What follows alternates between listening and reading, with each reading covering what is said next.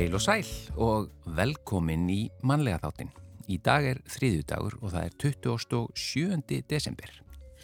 Já, og í dag ætlum við daldið að rifja upp og við ætlum til dæmis að rifja upp skemmtilegt viðtal sem við tókum við Jóhann Sigurðarsson, leikara, fyrir réttu ári síðan. Hann var förstudagsgestur hjá okkur og við fórum vítt og breytt um sviðið. Töluðum um æsku árin, bara lífið almennt og leiklistina náttúrulega og eins og alþjóð veit er Jóhann alveg einstakur sögumæður. Já, og við ætlum líka að rifja upp skemmtilegt jólaspjall eh, og matarspjall við Marentsu Polsen frá árunni 2018. Marentsa er auðvitað alltaf með hugan við matargerð og sérstaklega í kringum jólinn. En við byrjum á tónlist. Já, og við byrjum á þessu lagi ef ég væri ríkur úr fyrirlaranum á þakkinu og það er Jóhann Sigurðarsson sem syngur.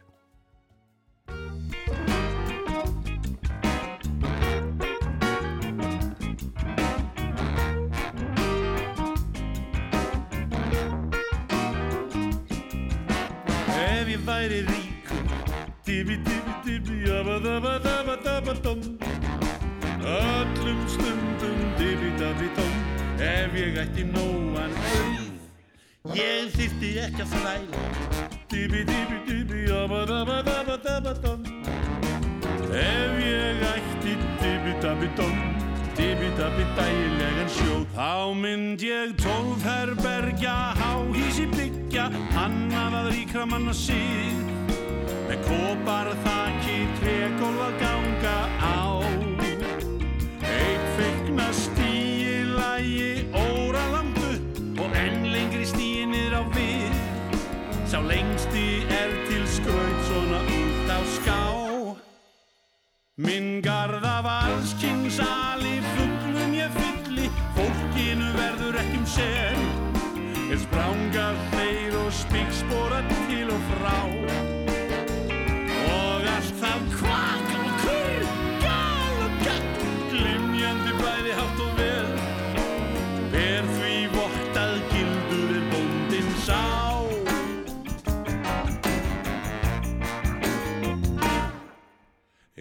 Ég væri ríkur. Dibi, dibi, dibi, jabba, dabba, dabba, dabba, dam Öllum stundum Dibi, dabi, dam Ef ég ætti nóan auð Ég þyrfti ekki að þræla. Dibi, dibi, dibi, jabba, dabba, dabba, dabba, dam Ef ég ætti Dibi, dabi, dam Dibi, dabi, dægilegur sög Þar er hún Góða mín svo glæsilega klætt og gleði úr augum hennar skín. Steikari stjórnar af hjartans list Ég sé hún riksar um sali Puttuði svo blófugl Hattaralega sæt og fín. Æpandi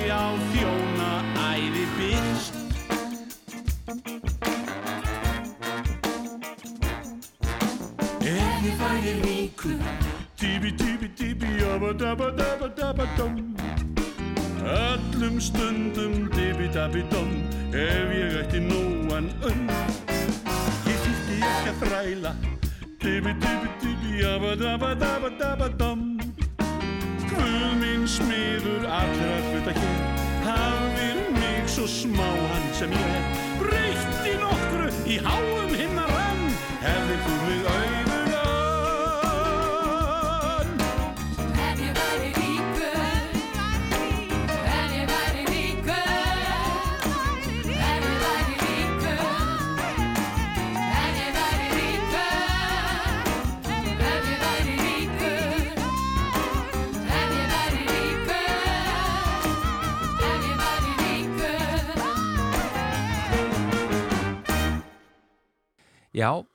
þetta er lagið Ef ég væri ríkur úr uh, söngleiknum Fyðlarinn á þakkinu og þetta er auðvitað föstudagsgesturinn okkar sem að var talsvert mikið frægur fyrir að syngja þetta hlutverk tefja í mjölkupostur í Fyðlarannum. Uh, Jóhann Sigurðarsson, föstudagsgestur, velkomin í þáttinn. Já, takk fyrir það. En þetta er svolítið öðruvísi útgafa núna sem við Já, varum að spila. við svona, ég og Pálmi Sigurhjartar við höfum unnit aldrei mikið saman í gegnum tíðina og vorum svona aðeins að vorum búin að syngja lægið ansi oft svona í hefðbundnum stíl en við ákvæmum að breyta aðeins til vita hvað það myndi ekki virka Já, djassa það aðeins upp Já, svona fönkaðu. Já. Pálmi áttu nú þá hugmynd. Já, þetta er svolítið skemmtileg Já, útgáfa. þetta var alltaf gaman. Vel hefna Koma óvart. Já, Já. Eh, ef við bara eins og venjulega hendumst aftur eh, til fortíðar með föstudagsgestin. Þú ert fættur í borgarfyrðinum, Jóhann, Já, eh, 1956. Mhm. eh, hvar? ég fættur á hamraendum í Stafólstungum. Þú, þú ert bókstaflega fættur þar Já, já, Já. við fættumst allar sískininn sko bara heima. já, já, já, Já, já, pappi og mamma byggu þar og voru bændur. já. Já. Og hva, hvað varstu lengi þar? Ég var, eh, ég var að verða fimm ára þegar, að- þegar ég fór, sko. Já, Þau skildu og mamma fór í bæinn. já Hann fekk nóg af sveitalífinu. En þú manst- já, eitthvað eftir sveitalífinu? Já, já, ég man, man talsvist eftir því. Og man líka uh, alltaf svona þetta moment þegar við vorum að fara. Það var svona, það lifir alltaf stert í minningunni. Já, Og hérna, það stóð nú til að hún ætlaði að fara aftur en það var eitthvað sem að aftraðinni, það var, það var gjör ólíkt líf þarna upp frá. Já. Mhm. Hún hafði verið, var, hafði verið alin upp í Reykjavík og lært leiklist og spilaði á píanó og var í tónlist og svona, þannig að þetta var daldið svona aftur til fortíðar að mörgu leiti. Mm.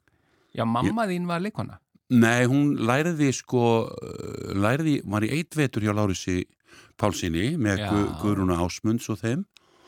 Svo kynist hún pappa og endar upp í sveit og eignast fjögur börn bara í rikk og en svo þegar hún kemur í bæinn þá man ég að Guðrún, hún lagði mjög hart að henn að koma aftur og vildi endilega fá hana til að koma og ljúka við námið og svona en þá var náttúrulega bara, var hún með fjögur börn og Já, ekki hlaupið að því Já, þá. en svo endaði hún á því að blessunin að hún fór í, hún var náttúrulega með tónlistamentun og hafði ekki lokið henni heldur en, en fór svo í tónlistaskólan á endanum og, og kláraði, kláraði hann sko Mhm. og tók svo til við að kenna bæða á píano og músík í hennum ýmsu skólu landsins og stjórna kórum og svona. Nú þekkjum við þína söngurödd, er, var mamma þín söngkona líka? Já, hún söng mikið, hún spilaði nú meira á píano en hún var í pólifónkórnum í gamla daga og, og hafði fína rödd og söng uh, bara svona, uh, já, ekki, ekki ofinbellega þannig, sko. Nei, nei. Segð okkur aðeins svona frá þessu augnabliki þegar þú ert að yfirgefa sveitina. Því að þú manst það svona vel var það bara mjög erfitt og átakanlegt augnablik? Eða eftir sjá af sveitinni? Já, þetta var svona, hvað skal segja, maður mað kannski áttaði sér nú ekki alveg á aðstæðum en, en ég man bara eftir því að mamma hún ringdi á legubíl, fekk legubíl heim á hlað og setti börnin í aftursætið og sengufötin í skottið og uh, saði bara Reykjavík. Já, en uh, hún átti nú ekki fyrir legubílinn sko, þannig, en hún hafi verið kennari á Varmalandi ringdi í skólastjóran þar og átti þar inni eitthvað pening sagði hún hvernig staðan væri. Hún væri á leið í bæin í legubíl og, og, og hérna hvort hún mætti ekki koma við og, og hérna fá greitt. Og hann held það nú. Já. hvort þetta var þá, hvort hún átti þúsund kall hjá, hjá hérna skólanum í, á Varmalandi. Já Sem dögði í bæinn. Já, það dögði í bæin Það var sko gamli kvalfjörður, þú veist, Já, upp og niður brekkurnar og mala. Dálítið lönglið Þannig að þetta var svona dramatíst Já, þetta var búið að, þetta var daldið erfitt hjá þeim, sko, þau voru náttúrulega daldið ólík og, og svona misjafnir síðirnir og ég man nú til dæmis hvað hún, hún sagði alltaf, það var svo dásamlegt á vorin, það var mikið lagsveiði þarna, þegar lagsin fór að ganga og þegar maður fekk nýmeti. Ég oft hugsaði með þetta, sko, það var mikið bara borðar svona saltað og pæklað og kæst og, Já, já. og súrsað. mm. Þannig að, eh, já, já, Já, En hvert flytjið þá, er að segja, þegar þú kemur til Reykjavíkur? Já. Hva- Hvar? við, við byrjuðum á því að fara til ömmu, vorum það ömmu og afa og vorum þar í einhverjar vikur og svo bara fekk hún íbúð og, og hérna, ég, við byggum á sundlugaveginum. Amma og afi voru hérna rétt hjá á lauganisveginum og þar byrjaði svona hennar, hennar hérna búskapur með okkur sko. Já. Og í hvaða skóla uh, fórstu svo þegar þú komst í bæinn? Ég held ég að nú verið í einhverjum tíu tól skólum sko, því þetta var náttúrulega gríðarlega erfitt hjá henni og hún þurfti nú daldið að, að prjóna sér fram úr þessu og við fórum ekki í sveit sískinin og alveg uh, út og söður og, og uh, hún var náttúrulega á leigumarkaði þannig að þannig að það var ekkit svona fast land undir fæti en hún þess að halda okkur svona í sama umhverfinu. Þannig að mestmægnis vorum við í löganeskólanum lögalækjaskólanum og uh, svo í vogaskólanum endaði, ég endaði í vogaskólanum og hafði verið í tveimur eða þremur sveitaskólum þar á milli þannig að þetta var svona út á suður Svona Dálítið. flakk. já, já, þetta En- var hark En hvernig var það fyrir að að vera svona ungur að skipta svona mikið um skóla? Var eh, upp á bara félagslegu hliðina til dæmis? Já, það var svona þegar maður hugsaði tilbaka þá var þetta aldrei töff á tímabili sko en uh, af því að sko við vorum svona meir og minna í einhvern veginn á, á, á sama svæðinu þá, þá uh, eignaðist maður góða vini og held vináttu við þá en svo þegar maður fór lengra í önnur hverfi þá þurfti náttúrulega aldrei að byrja upp á nýtt Já. og það gætt verið bara óskup töff sko hmm. Já. Hva, hvað var svona verið að bralla helst? Uh, ég meina til dæmis hvernig leiðir í skólanum, þar sem náminu, hvernig gekk það? Og... Það gekk mjög, mér gekk mjög vel í námi sko, til dæmis allan barnaskólan og hérna svo uh, varði ég nú einhvern veginn svona fjekt alltaf félags þörf, mikla félagsþörf svona Eins á og gengur og unglingsárum. gerist. Já, já. Þannig að það svona það fór í, í meiri fókus hjá mér á, á tímabili og hérna og það var í raun og verið ekki fyrir ég uh, inn í leiklistaskólan sem að svona maður eh, tekur tekur stefnuna alveg á fullu Já. en hitt, en svona unglingsárin að hluta til voru svona róstursöm, skal, ég, skal maður segja Það fikk námið aðeins að víkja. Eða hvað? já, en svona en uh, maður hekk inni Já, já, jú, jú, maður kláraði sig af sko. Nó. já, já, það var ekki- ekkit ekkit, uh, ekkit soliði sko En fannst þú að fá svona eitthvað svona fastan svona punkt þegar þú kemur inn í já, skólan? það er svona einhvern veginn, þá bara fann maður sig Mm. já, í þessu námi og í, svo náttúrulega bættist músikin við og svona þannig að þetta var einhvern veginn maður hafði þá tilfinninguna að maður væri aldrei komin á heimavöll En hvað er sko áður en að þú ferð þangað í rauninni í gegnum grunn- og gagfræðaskóla og mentaskóla? Hvað voru svona helstu áhugamálin? Er leiklistin komin þarna inn í strax eða? Nei, það var ekki, hún var náttúrulega áhugin var en það var, það var einhvern veginn ekkit um, ég stundaði þetta ekkit, ég var ekki engum áhuga leikfélögum og, og ég var aðalega með gítar og hermdi eftir í partíum sko. Já, varstu að spila gítar og syngja? já, svona var eftir hermu gladur Já, og það svona sem marga sögur að því þegar ég kynist Pálma Gess í, í skólanum sko, þá voru við stundum bara tveir eftir í, á kaffistofun allir farnir því þá vorum við að máta svona hinna á þessa karaktera og, og miðla hvort öðrum svona ímsum röddum já, en það báðir mjög góðar eftir heldur. Já, En ég menna, ég, ég tengi þetta líka oft að þið eru báðir líka músikalskir. já, Að Þetta já, er svolítið, er þetta, bara segð þú okkur, er, þetta- er þetta ekki svolítið á svipuðum stað að hlusta eftir mannesku og einkennum í rödd og annað og, og bara á músik? Jú, auðvitað, ég held að það sé alveg rétt hjá þér að, að svona, það þarf kannski að tóneirað sé í lægi Já, þannig að maður getur numið það sem að maður heyrir og, og umbreytt í svo. Já, það er er daldið sko ég held að það sé daldið atriði. Já, að vera músikal sko, ná þessum blæbriðum og... já, já, ég held að ég hugsa að það allavega skemm ekki fyrir. Nei, og eftir hverjum voru þið að herma á við þessum bara tíma? öllum sem lágu vel við höggi sko. Manst eftir einhverjum? á þeim árum, það voru náttúrulega hérna, það var náttúrulega Nobelskáldið og Guðmundur Jónsson óperusöngvari og og uh, sko, ég, það eru nokkri sem kom upp í hugan bara þekkjandi þig, Erlingu Gíslason. já, já, Ellingur Já, og það er Gunnar Eyjólfsson. Eh, já, og Gunnar hann, uh, við, við reyndum okkur mikið við Gunnar Já, og þessi, sko, Eld og Bessi, þú, ég hef heiti. Já, já, já. Jú, jú, það voru, það lág engin sko, það, uh, það, það lág allir vel við höggi sko. Guðmundur Jóns Já, komdu maður blessuð og sæl, elsku hjartans, indislega guðrú mín. Mikið skelmingir gaman að vera hérna hjá okkur. Hér er breyf frá konu að vestan sem hljóðar svona, komdu maður blessaður og sæl, elsku hjartans, indislegi stórglæsilegi guðmundur minn. Þetta er póstól 120. þetta, ég held að hlustandi tengja þetta alveg. Já, sögum mér kannski sem mun eftir, mun eftir honum í, í því, sko. Já, Já. þú ert á réttri rás og það var það Já, að hann var indislegur alveg, ég, hann var svo oft, hitt hann svo oft þegar hann var framkvæmdastjóri Já, þegar við vorum neyri, sko, neyri á skólagötu í gamla hérna út af súsinu kom hann gætna fram þar sem leikararnir sáttu Sæljóðu mín, má ekki bjóður í nefið hann var alltaf að bjóða, bjóða okkur í nefið sko. hann tók talsvert inn í það. hann gerði það sko Já, já, já. Já, heyrðu, við sko förum aðeins betur í leiklistina á eftir. Já, við ætlum að Eh, Ég ætla bara spila rétt áður en, já, áður en við tökum eitt lag þá ætla ég bara að því að þú, þú varst að spila á gítar og syngja og svona, en varstu í einhverjum íþróttum? Ekkit svona, ég daldi flosnaði upp sko Já. út af þessum uh, flutningum okkar já.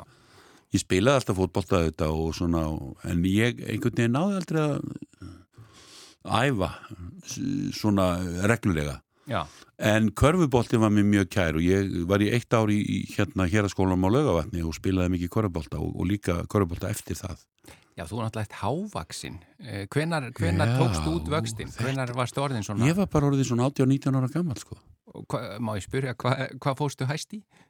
1.98, ég er 1.98 ég held ég sé 1.97 núna 97 og hálfur Já, já. Og, og, og varstu þá að þetta hefur hjálpað í kvörubólta? já, gerði það sko Já. það gerði það sko Þeir eru nú alltaf að taka eitt lag og þetta er nú bara hérna, nýtt jólalag ok, Já. með þér. já, Eftir Guðmund Jónsson, akkurat hvað getur sagt okkur um það? Söngur samviskunar. já, þetta er svona mm, þetta var hugmynd sem að þeir komu til mín fyrir bara eitthvað 7-8 árum Guðmundur og Kristján Reynsson voru með hugmynd að söngleik um, og hérna fyrir einn mann sem var svona einhver staðar í bænum með plastbókana átti hverki heima Já, heimilisleis maður. Já, þetta, en svona þetta svo fór þetta nú bara svona í pækil og við byðum í, í nokkur ár og vorum svona aðeins að kynna þetta og einhvern veginn var, var þetta ekki alveg fremst í röðinni eins og, eins og, Eins og gengur að gerist. eins og gengur að gerist. Þannig að Guðmundur hann hérna ákvað, hann ringir í mig þetta en og ákvaður það að hann ætli að breyta þessu öllum þessu hérna efni bara í jólatónlist Já, og fær Kristján í, í lið með sér í það til að svona endur hanna textana hluta til og, og hérna hann var alveg grjótarður og því að þetta væri bara þetta væri málið með þetta, með þetta efni og byggði sko lögin og textana á Dickens sögunni, jólasögunni frægu Já. þannig að þetta er allt inspirerað af þeirri sögu Heyrum þetta, söngur samviskunar, svo Já. höldum við áfram með Jóhann Sigurðarsson, föstaskest.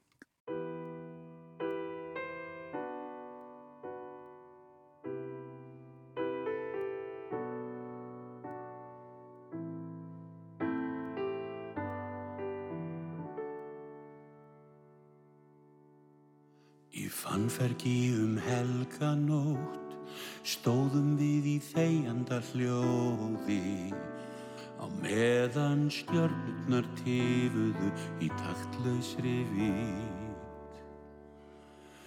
Þetta var bókstaflega kaldasta nóttin sem komið hafðum langar hríð. Í hjarta mínu var samviskan er söngum byrtu og íl. Og ég fann það svo vel þegar ómur af rödd hennar heyrðist. Að söngurinn snerti mig. Já hver söngurinn snerti mig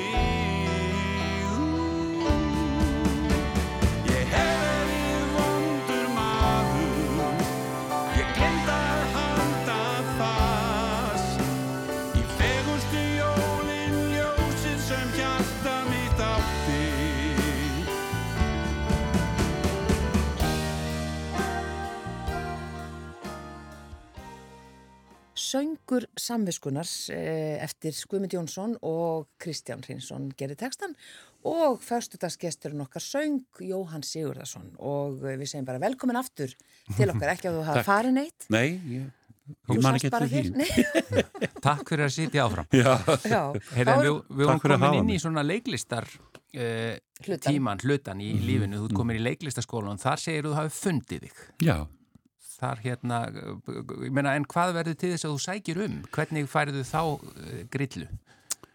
Ég var nú alltaf sko, ég hef nú einhvern tíma sagt frá því að þegar, hvað, ég fer inn 77 svo voru inntökupróf í, í leiklistaskóla leikhúsana, ég held að það verið 74-5 þá var ég átjánara sko Mm. fer þangað inn og uh, ætla bara að fara í próf sem var auglýst þar svo bara kemur þarna fullt af fólki og alls konar fólk sem var orðið að mér fannst alveg rosalega frækt og ofsalega uh, hæfileikaríkt.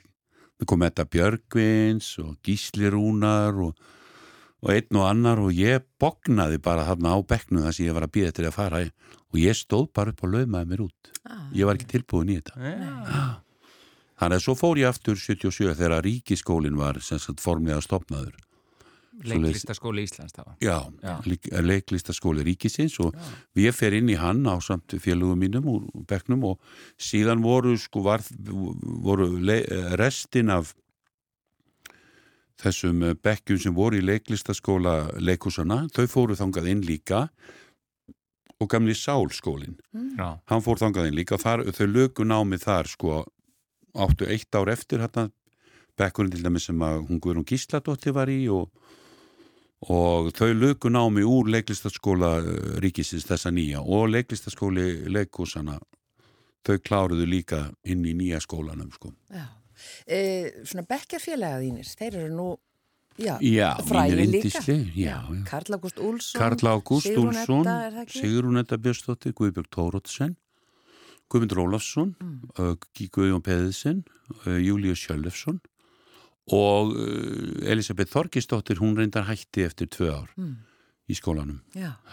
En þetta Þið eru... haldi hópin Já. Já, við, við höfum gert það, við áttum daldi erfitt með að hittast fyrstu árin og eftir sko, við vorum daldi búin að fá held í nóa hvort Já. öðru í bíli, Já, það er mjög algengt einmitt það er mjög algengt. Mikil viðvera og samvera. Mikil viðvera og samvera, já, ég veit það. En svo, eftir svona fjögur og fimm ár, þá fórum við allt í hérna einbráð því hvort við ættum ekki að fara að hittast. Og svo höfum við eiginlega haldið þeim síð bara meir og minna síðan. Hist einu sinni til tvisvar á ári í mat og, og svona. Vorum einmitt að reyna að blása til uh, samfundar núna í, á haustögum en þá allt í hennu var, var, voru allir rótni svo uppteknir eftir að það opnaðist á eftir COVID. Já, já. Þannig að við eigum það inni núna bara á, á, á nýja árinu. En hvernig þegar þú útskrifast, að þið nú þekkja þeir leikara sem hafa farið í gegnum skólan að það er bara hvað svo, hvað, Já. hvað fæ ég, hvað Já, já. hlutir, hvernig gekk þetta hjá þér eftir skólan? Já, ég, ég, ég var nú daldi heppin, ég var nú bara að segja það.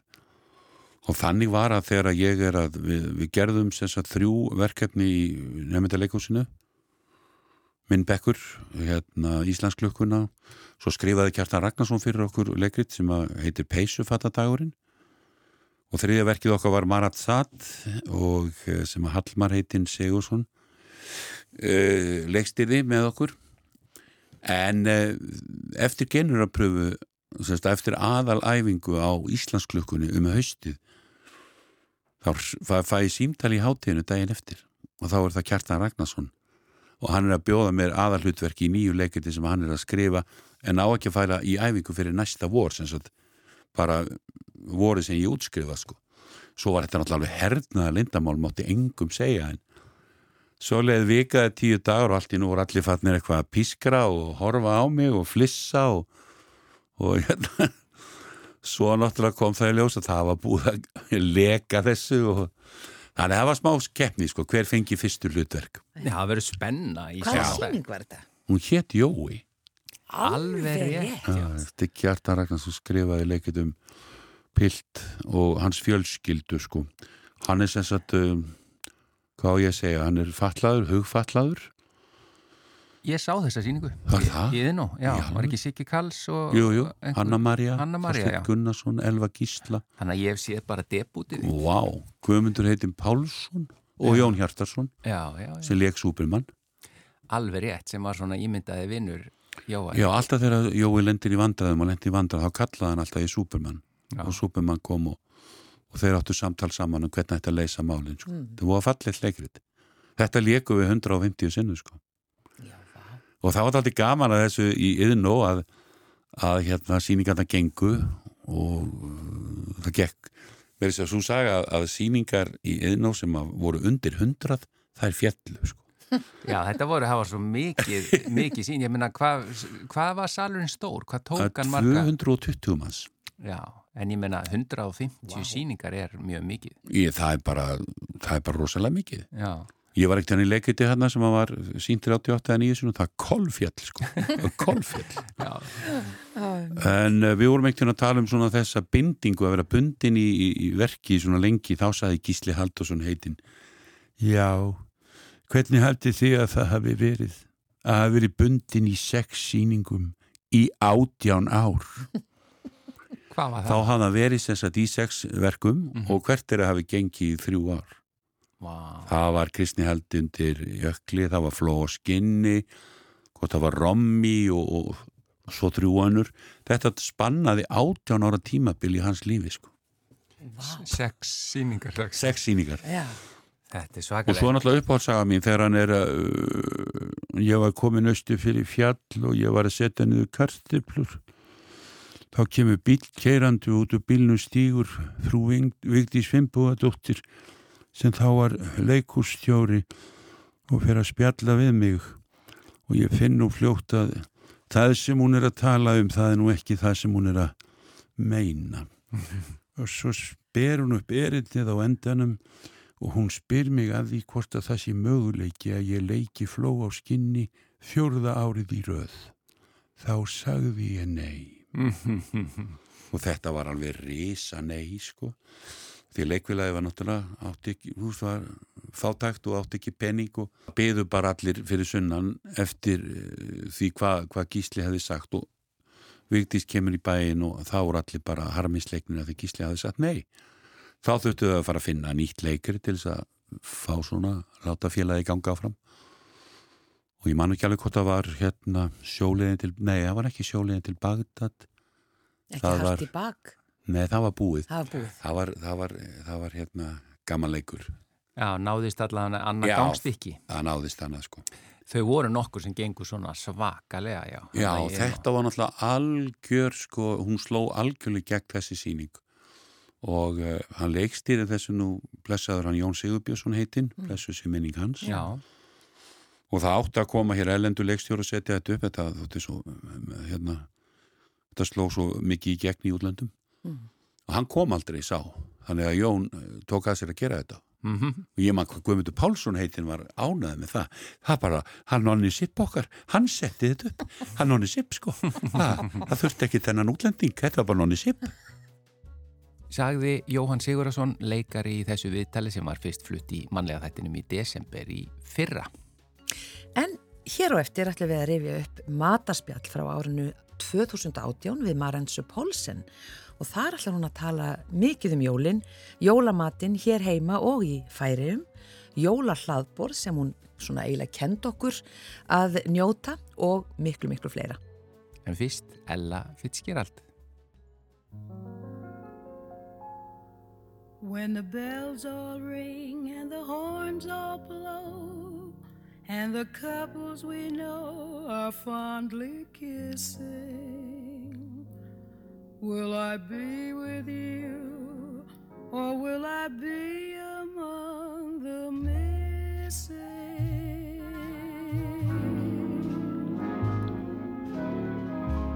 Maybe it's much too early in the game.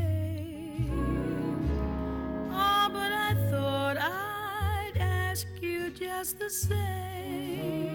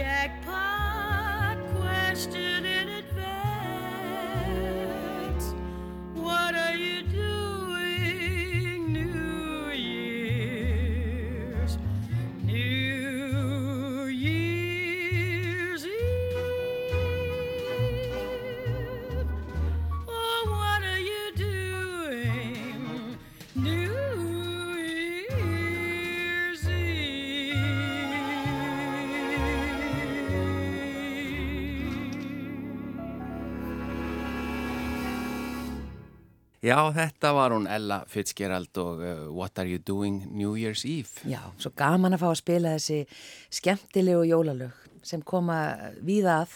Já, og Ella er bara fastur gestur í mannlega þetta. Já, já, algjörlega. Talandum fasta gesti. Talandum fastagesti, það er matarspjallið. Það er hún Sigurður Margrét Jónasdóttir sem er komin hingað. Í dag þá hefur tekið með þér góðan gest. Já, ég ákvað uh, að taka með mér gest, konu sem kenda okkur Íslendingum að slaka á á aðvendunni, Marensa Púlsen. Það er nú bara þannig, Marensa, þú, þú kendir okkur þetta að við ættum ekki að þvó stórisana fyrir jól. Einmitt. sko. Það er það langt síðan þú komst að það var með Það var einmitt á þeim tíma. Svolítið þannig. Að Það var nú ekki hvað? mjög vinsæl sko. Stórisana. Stórisana. Já, það stó, ringdi í mömmu þína, hún getur sagt þér hvað þetta er. Það Þetta er voru svona að gardínur, það. þetta voru svona gardínur sem að voru undir gardínum. Undirgardinu Já. í öllum gluggum sko. Ekki máttu nema alveg vona, ég veit ekki hvað Og þetta með er. þess að baðinu skilur, þetta var alls þar. Já, það mátti enginn sjá inn. Nei. Ég skilji. Já, þetta var bara í tísku þá. Og all þess að gardinu voru þegna fyrir jól, hvað hjálpið. Og allt var þegi maður að segja, eins og Sigurður segir. Það var allt. Búrið og allt. Svefnarbyggi og búrið og alla skápar og, Og skúfur og já. Hugsu ykkur bara og enginn opnaði þessar hurðir á jólunum. Nei, en þetta var svo leys. Já, en svo, svo ferð þú einhvern veginn að, að koma fram í fjölmiðlum og, og, og ræða þessi mál. Og það var vegna þess að ég fór til Danmarkur og, og a- í aðvendunni pappi þurfti að fara í augna að gera þar og við erum þar í halva mánuð og ég bara var búin að vera í stressinu eins og allir hinnir að þú gardinur og hillur og, og allt þetta upplifi ég það að danir eru svo afslappaður allir var fulli bæra fólki börnin með og það var að sötra kakó og, og jólaglögg og krakkarnir að leika sér og fóröldarnir með og ég var alltaf að velta þessu fyrir mig hvort enginn hafi neitt að gera hérna. Já. Ég get svo svar fyrir það. Já. Á, Hvað með stórisana? Já, ymmit, ég var að velta þessu fyrir mér sko og ég á hérna frængu sem býr í Danmarku er alveg upp þar og býður nokkuð pappa í mat svona nokkur dögum áður fyrir heim til Íslands og ég segi þessa dásamlega setningu sem mamma saði alltaf og allir sögðu. Og hvað sérstu bara búin að öllu? Hún horfir á mig og segir putu hvað meinar þau Búin að þetta. Já, þetta er- það var þannig, ef maður fór í bæinn og maður mætti einhverjum, ég er hvað segir, þetta bara búin að öllu. Já. Og ég var í þannig vinnu að ég var kannski ekki byrjuð, veist, fyrir 20. desember. Nei. Maður fór í gummihaskana 22. og fór ekki úr þeim fyrir 24. bara rétt fyrir 6. Já. Og hálf drap sér bara Hálf drapsi og grenjaði yfir sósunni og, og sopnaði þegar pakkanum voru búinir og allt þetta. Svona var þetta Já. og á bíla margi kannast við þetta. Já, þetta eru ofstutt síðan. Er alltaf stöð síðan og, og þá fyrir hún að segja mig svona, og segja mig, veitu hvað meinar þú? Ég segi svona bara, þú veist, þrýfa á svona fyrir jólinn og hún fyrir að hlæja sér byrju, finnst þið ekki nógu reyndi að mér? Og ég segi, jú, jú, hvað fyrir gefði ég bara, þú veist, gluggarnir og eins og maður er vanur að gera og baka og, og hún segir "Glu- ertu að þú gluggana fyrir jólin? Jésús minn almátti, ég ætla að fara að telja upp en hætti við og þá segir hún, veistu það maður eins að mín hér þvær engin neitt fyrir jólin. Hér er fólk að njóta aðvendunar hvenær gerir þú það? og spurðum hvað ég gerir með börnin og svona og ég fór að segja, ég myndi ekki eftir neinu. Ég gæti ekki sagt henni hvað ég gerði aðvendinu hún var á tónleikum og búðarápi leikritum og þetta, huggesæ og ég hugsaði með mér því ég fór þaðan út nei takk, nú er ég hætt og ég fór upp á hótelherbyggi og ég settist niður og fór að skrifa niður. Að þetta væri lífið. Fólk þyrfti nú aðeins að læra að vera til. Baka kökurnar í nóvumber borða þær í desember. En ekki baka rétt fyrir jól og borða kökur fram að páskum. Skilur bara rugl. En þannig var þetta, fólk tók það með sér på sumabústa rest annars. En, það var svo leis en ef maður bara kaupir, kaupir já, það, í dag gerir maður það. Já. en það var ekki þá, þú veist, þetta er á Já, já, já, já. Þannig að ég kom heim og, og ég hugsaði með mér jólun eftir eðst, að ég ætla aðeins að presentera þetta og segja frá þessu og, og hvort að við gætum ekki breytt þessu aðeins og átt betri stundir Hve- hvenar er þetta um það bil? Því þetta er hérna er í nýju, tíu og hvað? Já, eitthvað, svo- eitthvað, Já, eitthvað, Já, í, í kringum 90. Kringu 90 Í minningunni Já, var það bara þetta- fyrr. Nei, þetta er einhverstaðar kringu Já. 90 En þú ert bara eiginlega brautriðandi, má segja, í því að einmitt að, að segja þessar setningar sem hljómuðu bara svolítið svona framandi Já, já. á þessum tíma Ma- og mjög danskar einmitt. Já. Akkurát, En og- maður hugsaði myndi, já, já, já, hún er frá færi um þessi, hvað heitir hún, Marensa? Já, Eitthvað svo já, eitthvað svo leiðis. Hún er eitthvað að miskilja hún er eitthvað að miskilja jólaundurbúningin. og, og vitið það, þú veist, það var algengt að fólk teppalagði og Já. málaði og, og nýja eldursynningu fyrir jólin það var allt fyrir jólin Já. og svo bara var fólk búið á jólunum Já, og naut einskis. enskis og svo þegar ég fór að tala um það að hvað væri nú skynsald að mála á vorin þegar væri bjart um að sæja til? Já. ég var sko ekki vinsæl hjá málurunum, það geti lofa okkur fyrir. Og hvað þau að teppa sölu kallinum, nei. Það er líka ymmit í dimmunni, þá sjást ekkit óhreinindin, sko. Nei, Nei, svo erum við að kveikja kertum og það kemur og- já, Já, já, já. einmitt og, og hérna ég virkilega hérna breytti mínu og naut þess og ég setti upp hérna, sko nú hlæga krakkarnir minni að heyra þetta Jó, svona netiborð, líti borð sem ég náði í út í garð að því frænka minn var með svona þetta damersku og þar setti ég aðvendikransinn, smákökurnar og ávexti og frá fyrsta sundi í aðvendi stóð þetta borð þar. Svo kvekti ég aðvendikransinum, þessi eina ekki alla vikuna, skipti bara en kerti. Já. Og það þegar börningum að fæti lítil, mætti þessu á leiðinina klósett að fá sér eina smáköku, akkur ekki. Já. Veist. Einmitt. Já. Að njóta. Þannig að þetta hérna netuborða tímabili. Netuborða Já, tímabili. börnunum minni finnst þetta alveg ótrúlega fyndið og uh, mikið gerku í Já, næst í þetta er, samt, þetta er fallegt. En En þetta sagt- var góð stund Já, þetta var góð stund. og það voru eiginlega allir með þetta netuborð. Já. Út um all land, með að segja. En merkilegt, voru þetta valneturnar og Þetta voru bara allar smákökurnar og bara áherslu og já, það var alltaf þessi borð, þetta var bara svona í miðjun yngstar í húsinu bara þar sem að var Sem að gangurinn, eða já, alltaf fengið sér já, af. já. Netuborðið. Netaborði og svo var ég mismöndi dúka og skrauta þessu og var vola litaglöðin sem ég alltaf verið. Já. Já, og hérna, mér fannst alltaf svo skemmtilegt að pæli hvað litur er verið þessi jól. Og það er gaman. Já, þannig að þú skiptir aðeins um. Er Mjög. Jólatrið er sko mitt, þú skilur. Já. Já. Þannig að mín kynslu má eiginlega þakka þér fyrir þetta því ég held að mín kynslu, hún það er ekkit mjög ofalega í þeirra huga að, að, að vera þrýfa bara allt frá Þú getur bara þakka Já, maður þessu fyrir. það er bara Marens að þakka Já, að ekki hort í einhver augun þakkaði að manni, já. ég segi það. Eitt sem ég, hérna, sem ég heyrði af að þú helst þín jól í fyrra í færium, í fyrsta sinn í, eð, síðan þú fluttið til Íslands. Já, kannski, nei, einu sinni hefur verið þar áður. Já. Bara fyrir mörgum, mörgum, mörgum, mörgum. En við fórum sískinni, ég og bróður minn, Já. hann hafði sko ekki verið í jólunum að færin síðan 1963. Já. Já, ég kannski hef verið það einhverstaðan setna, 60 eitthvað, 9 eða eitthvað 70. Og hvernig hérna heldur maður jólin á þínu heimili í, Sko- í færium? Það er allt öðruvísi. Það er allt svo yfirvegað. Þar er enginu gummihönskunum 24. desember. Nei.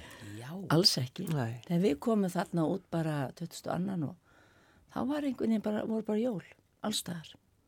Friðsælt, fólk lappaði að milli með jólapakkana og, og skeglir að jóla og bauði kaffi jafnvel 23. og, svona hugulegt. Já.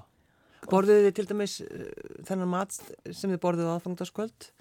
Já, Sá sem að, var það matur sem þið hefði alltaf borðað? nei, nei, nei, Elisbróður hann hérna með gæsir í gardinu sinum og hann var með óvenni margar þetta skiptu tól gæsir. Gæsir Já. í garðinum Já, sínum. þú veist, þetta Já. er svo skemmtilegt, alveg gæsir. Þannig að við fengum gæs úr garðinum hans í matinn. En við vorum svo með á jóladag matinn okkar sem var sem purstek.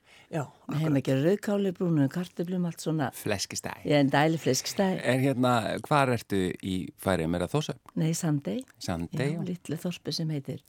Ég kem frá Skopun og Elis býr á Sandi sem bara tímynda keislamilli. Já, já, já. Þannig að þetta var alveg indislegt, þú veist, og svo bara þetta að fara í gömlu kirkjun okkar á jóladag og hitta allt þetta gamla fólk sem var ungt þegar ég fór til Íslands og veit og það var alveg einstætt. og fegstu svona, já, já, ertu, er maður eins að litla komin tilbaka? Heyrðu, mér fannst svolítið skemmtilegt að hérna, ég þótti bara svo svakalega lík mömmu minni. Veist, þetta fólk myndi eftir henni. Já. Segi, ég bara friðrika bara mætt, sko. það var svolítið að mér þótti var vænt um það. Að því hér manna þetta, veist, engin eftir henni þannig. Nei, En þetta fólk myndi vel eftir henni. Þannig mér fannst þetta, já, þetta var ótrúlega fallegt og skemmtilegt. Ég held að maður hefur gott af þess að fara svona tilbaka í sitt gamla. Hitta gamla fólki sitt og við sískinin saman og við ákveðum að skreita jólatriði saman á, á hérna, þólarsmessin sem við gerum alltaf þegar við vorum börn og mikið hlegi og, og gaman og fengið sér eitt gammali leiðinni en við gerum það ekki þegar við vorum börn sko. skulum alveg hafa það á hreinu. En hvað er svona típiskur færiskur jólamatur? Eh, Ég held að færinga borða mjög mikið gæs Já, og önd já. í dag. En þegar ég var bara, þá var þessi fleskistæði allstaðar. Já. Já. Og En svo bara Danmörku. þállarsmessu, þá voru við hérna með skötuna sem er mjög skemmtilegu síður. En þá eru færinga mjög mikið að borða þetta signa kjöt. Já. sem er svona hálgjört skerpikjöt og er eiginlega að kalla skerpikjöt en það er ekki alveg þurrt en alveg búið að svona slá vel í það gott til þess að sjóða. Kjöt, kjöt af hvaða skepnu? Lampi. Lambi, já. Það búið að slá aðeins í það. og það var Aðeins bara soðið. slá í það og það var svo að þið Hvað heitir þetta fyrir ekki? rastjöt. Það heitir Já, rastkjöt, Já. einmitt. Og svo erum við að uh, hérna, Kvarta yfir- fussa og já. sveia yfir því meðan við borðum skötuna, sem er svolítið merkilegt. Merkilegt. Já. Ég hérna þekkti auðvitað það ekki neitt, þess að skötu og, og, en ég kynntist því að vinum okkar sem voru að vestan, þau buðu okkur skot, skötu og þólasmessu, svo langar mér bara að gera þetta sjálf. Já. Ég borðaði hana ekki í mörg ára, því ég bara þorði ekki smakka á henni. En, en ég hafði alltaf þetta bóð, alveg 20-25 manns og fannst þetta alveg geggjað. Og borðaði hann ekki sjálf? Nei, en, en ég borða hann í dag.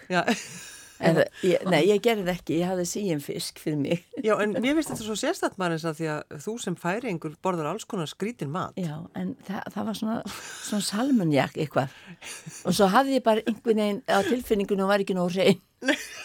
Það var eitthvað við þetta. Ég var bara búin að heyra alltaf mikla sögur um að fólk pissaði á skötun og svona. Já. Og það var eitthvað klíkjant við þetta. Já. Og ég, en, en Ég ég, það yfirsteg það alveg og áttaði mig alveg því það kom ekki líka reyna. Nei, er það er engin sem gerir nei. það. Ég er á sama stað að þú, ég treyst ekki í skötunni. Sko. finnst hún ekki nógu hrein? Nei, Mér fannst það eitthvað en mér fannst þetta alveg ofbáslega skemmtilegt og náttúrulega það kom náttúrulega svona lykt í húsi sem að varður svolítið lengi en ég læriði það líka að þegar maður er búin að elda skötunum og ganga frá öllu þessu þá setið maður hangikjöti í potin síðan maður hangikjöti þegar það er búið þá síðan maður rauðkáli Já. þá kemur etikin og þá komur jóla lykt í allt húsi svona var það örglega til sveita Já, þetta kallast góðu lykt er það ekki? Jú, Jú, jú, já, já, blanda, ég er þetta saman. Það að blanda mata- þessu, þetta eru jólin. Já, vegna þess að jólin eru svona samvera og hvað er samvera? Hún er eiginlega við mataborðið. Akkurat. Já, þannig að þetta er akkurat það sem maður á að halda í. Já. Og síðan, já, Ferð þú og, og hérna og svona kennir Íslendingum að borða jólamatinn, Jólahlaðborðið. Hún, hún jólahlaðborðið. kennir okkur að raða á diskana, ekki hrúa Já, og blanda saman eftirréttum og, og rauðkáli og, og alveg magnað, skal ég segja ykkur. við erum svo miklu pleppar. Ég segi bara eins og Haldur Gilvarsson vinnu minn, uppáhalds maturinn minn, hlaðborð. Eh, Þetta var, það var líka æmyndiralegt, þannig kom, fór ég aftur til Danmarkur í, hérna 93, þá fór ég svona aðeins að endamenta í mínu starfi já, og kynnist þar Íti Davidsen. Og, og þetta var bara um hausti og hún er að sína með jólasíðlinn og ég hugsaði með mig, vá hvað þetta er eitthvað spennandi. Ég var nú til ég að gera eitthvað þessu. Einhvern tímann. Svo bara hérna 94 þá var mér búin að vinna Hóllaborg sem veit ekki stjóri og bara eh, einhvern veginn um vorið. Og svo koma, kemur koma oktober og, og ég verum að ræða saman hvernig eru jólinn og eitthvað og jú, strákarinn segir mig það þegar hefur nú verið eitthvað svona jólaborð. En það er ekki mjög mikil aðsóknir þetta. Og þá kem ég með þessa dásamlega hugmynd. Gerum bara almenni danst jólalaborð fáum bara Íti Davidsen og við bara gerum þetta saman. Já. Og Tómas A. Tómasson, þessi dásalega maður, hann alltaf reyður ríkjum á borginni. Og ég legg þetta fyrir hann og hann, já, hvað konu það? Veist, maður er alltaf búin að vera í Ameríku bara alla sinni hundstíð og þekkti auðvitað ekki til kaupmannum og, og svo var ekkert svar frá honum en ég var nú svo óbáslega spennt og ákveðin að gera þetta. Annarkvæmt að borginni einhvers staðar annar staðar. Svo kvisast það útskilur að, að fólk íslendinga þekkti hana mjög vel. Já, já, og, og hennar fyrirtæki svo var bara ringtið mér eh, viltu koma allir mín, viltu koma allir okkar? Svo ég segi bara við Tómas þú var tíu myndir að taka ákvörðin það er já eða nei. Já. og það voru fimm minút og þá ringdi hann. Já, við sláum til. Svo bara þetta auðlist og, og bara Vakti mikla aðtekli. aðtikli fyrstu vikru og 2500 manns búin að panta borð. Og það borðið yfir 7000 manns þetta hérna, tímabill sem við vorum með laðborðið. Já, og það var sko tvísetin borgin á hverju einastu kvöldi og þetta var svo skemmtilegt vegna þess að við vorum vön að fara á hlaðborð standa upp einu sinni svo engi færi halda maður borðaði meira en aðrir og maður setti alltaf diskinn, þú veist, tvær hæðir og ris það var svo leis það þurfi ekki að standa upp á þess að einhver myndi sjá og maður Já, færi aftur já, í nákvæmlega. Maður telja ferðirnar. Já, telja ferðirnar Þessi við færið þrísvar. Já, akkurat Já, við köllum þetta nýtaferðirnar. Já, sennilega þetta verið það Já. óvald að standa mikið upp þegar maður sest niður Já. Og, og hérna og svo við eitt ákveðum að gera svona landamæri. Ákveðum það að kenna fólki að borða sild fyrst maður gæti ekki borða sild og kannski livrakæfu saman. Það passaði ekki. Nei. og kannski heldur ekki gravlags og fleskistæg það passaði heldur ekki. Nei. og svo steikina og trifli þetta bara gekk ekki upp. Og, og við settum svo diska fyrir sildina og diska fyrir þegar komst á næsta áfanga sem voru lax og, og, og annað fiskur. Og þriðja þegar komst á kalda kjötun, verður að kæfa hinn þessu og svo fjórða og fymta sjötta. Og fólk bara svo setti svo segja, setti bara lítið að diskin og smakkað. Hvað á ég að fara í sæti bara með þetta? Veist, þetta var ekki neitt. Og svo vorum að reyna að kenna fólki að koma aftur og aftur. Og raðirnar í borði voru svo svakalegar. Og fólk var svo stressa búið að drekka sér fullt og það var þannig að við þurftum að smyrja svona smá snittur til að bjóða gestunum í röðinni. Bara svo að róa eins niður. Já. Já, Heru, og þá fór ég náttúrulega bara í gang með svona námskeið ári eftir. Hvernig þú veist, eigum að hafa okkur í þessu? Og það að hérna borða mikið mat þýðir ekki það að þú verður að drekka mikið með honum áfengi. Nei. og alls ekki til að drekka eitthvað áður. Og alls ekki svelta sig allan daginn að þú ætla að borða svo mikið í kvöld það gerði margir og, maður þurfti stund, og konur er vestar í þessu maður þurfti stundum að taka rafsins og gefa hann súkulæðstíki ef voru alveg liðið við það á hungri og þetta er heila að sannleik hvaða rugg var þetta? þetta var, þú veist, það, hérna ég ætla út að borða kvöld, ég ætla ekki að borða svo mikið fylla magan í dag Já. Já, já. En þá er maður einmitt að minka maður. nefnilega minka magan og þú getur alls ekki borða svo kemur þú og færði kannski eitt snafs og glór hungru bara blind full og kemur að sildinni. Og, og svo bara það ekki í hérna matið það er svo gaman þér. Þetta var svolítið stemningi en, en vitið það að þetta er langt síðan? Og í dag er þetta allt annað og það er bara svo gaman að upplifa fólk. Kunna að njóta og elska að njóta. Já, veistu, það er svo indislegt upplifan Já. mikill munur. Ó, og svo fallegt og það sem að maður er búin upplifið genn tíðina þú veist að fólk kom með börnin í burðarúminu og svo er maður komaði fernd og alltaf koma að heilsa upp á mann og mm. í jólunabórinu öll þessi ár Já. þetta er alveg guðdómlegt Þetta er indislegt, Marisa Púlsen, þú hefur kent okkur ímislegt, það er nú ekki hægt að segja annað. Nei, það er ekki hægt að segja. Nei. En, en hvernig er þetta í dag? Hvað er þetta að gera í dag, í desember? Já, nú er ég bara hérna hætti að vera lausaðum að hefur mataborðið ég, hérna, ég hætti á Hótel Loftleim í, eða á Nordica 2011, það var síðasta skipti og það var ótrúlega flott borð og skemmtilegt við sem, nei, nú hætti ég. Þetta er svo æðislegt og ég er svo ánað með þetta og maður á að hætta þegar maður er ánaður Hætt á topnum. Al, ég, ég fílaði mig þar. Og svo ákvað ég að setja upp inn í flóru. Og flóran er bara eins og tífóli, svona gróðurhús og þetta gerir ótrúlega margt og ég lagði alveg svakalega mikið á mig. Kindla úti og auðvitað starffólk græsakarsins og var alveg bara æðislegt, brendi möndlur og bara, fór bara allan bakkan og svo ákvæði það að það skildi ekki vera hlaðborð. Að ég skildi bara hafa eins og í gamla dag svona kabarett mm. þar sem maturinn kemur til þín. Og ég, þegar fólk pantaði borð þá sagði ég alltaf en þetta tekur tvo og halvan tíma lámark og ég borði allan að tíma heyrði maður þá. En þú veist, það var þess að samvera Já. og alla fengu sama matin inn að sama tíma þá var það til þess að þú fórst aðeins að njóta og ræða um það svo að borða þú vissir hvað þú að borða og þú hugsaði um bragðið það er það sem er svo skemmtilegt Sagði Marensa Polsen í matarspjalli í þættinum frá árinu 2018. Já, og þá er þættunum lokið í dag við þökkum samfélgina. Verið sæl.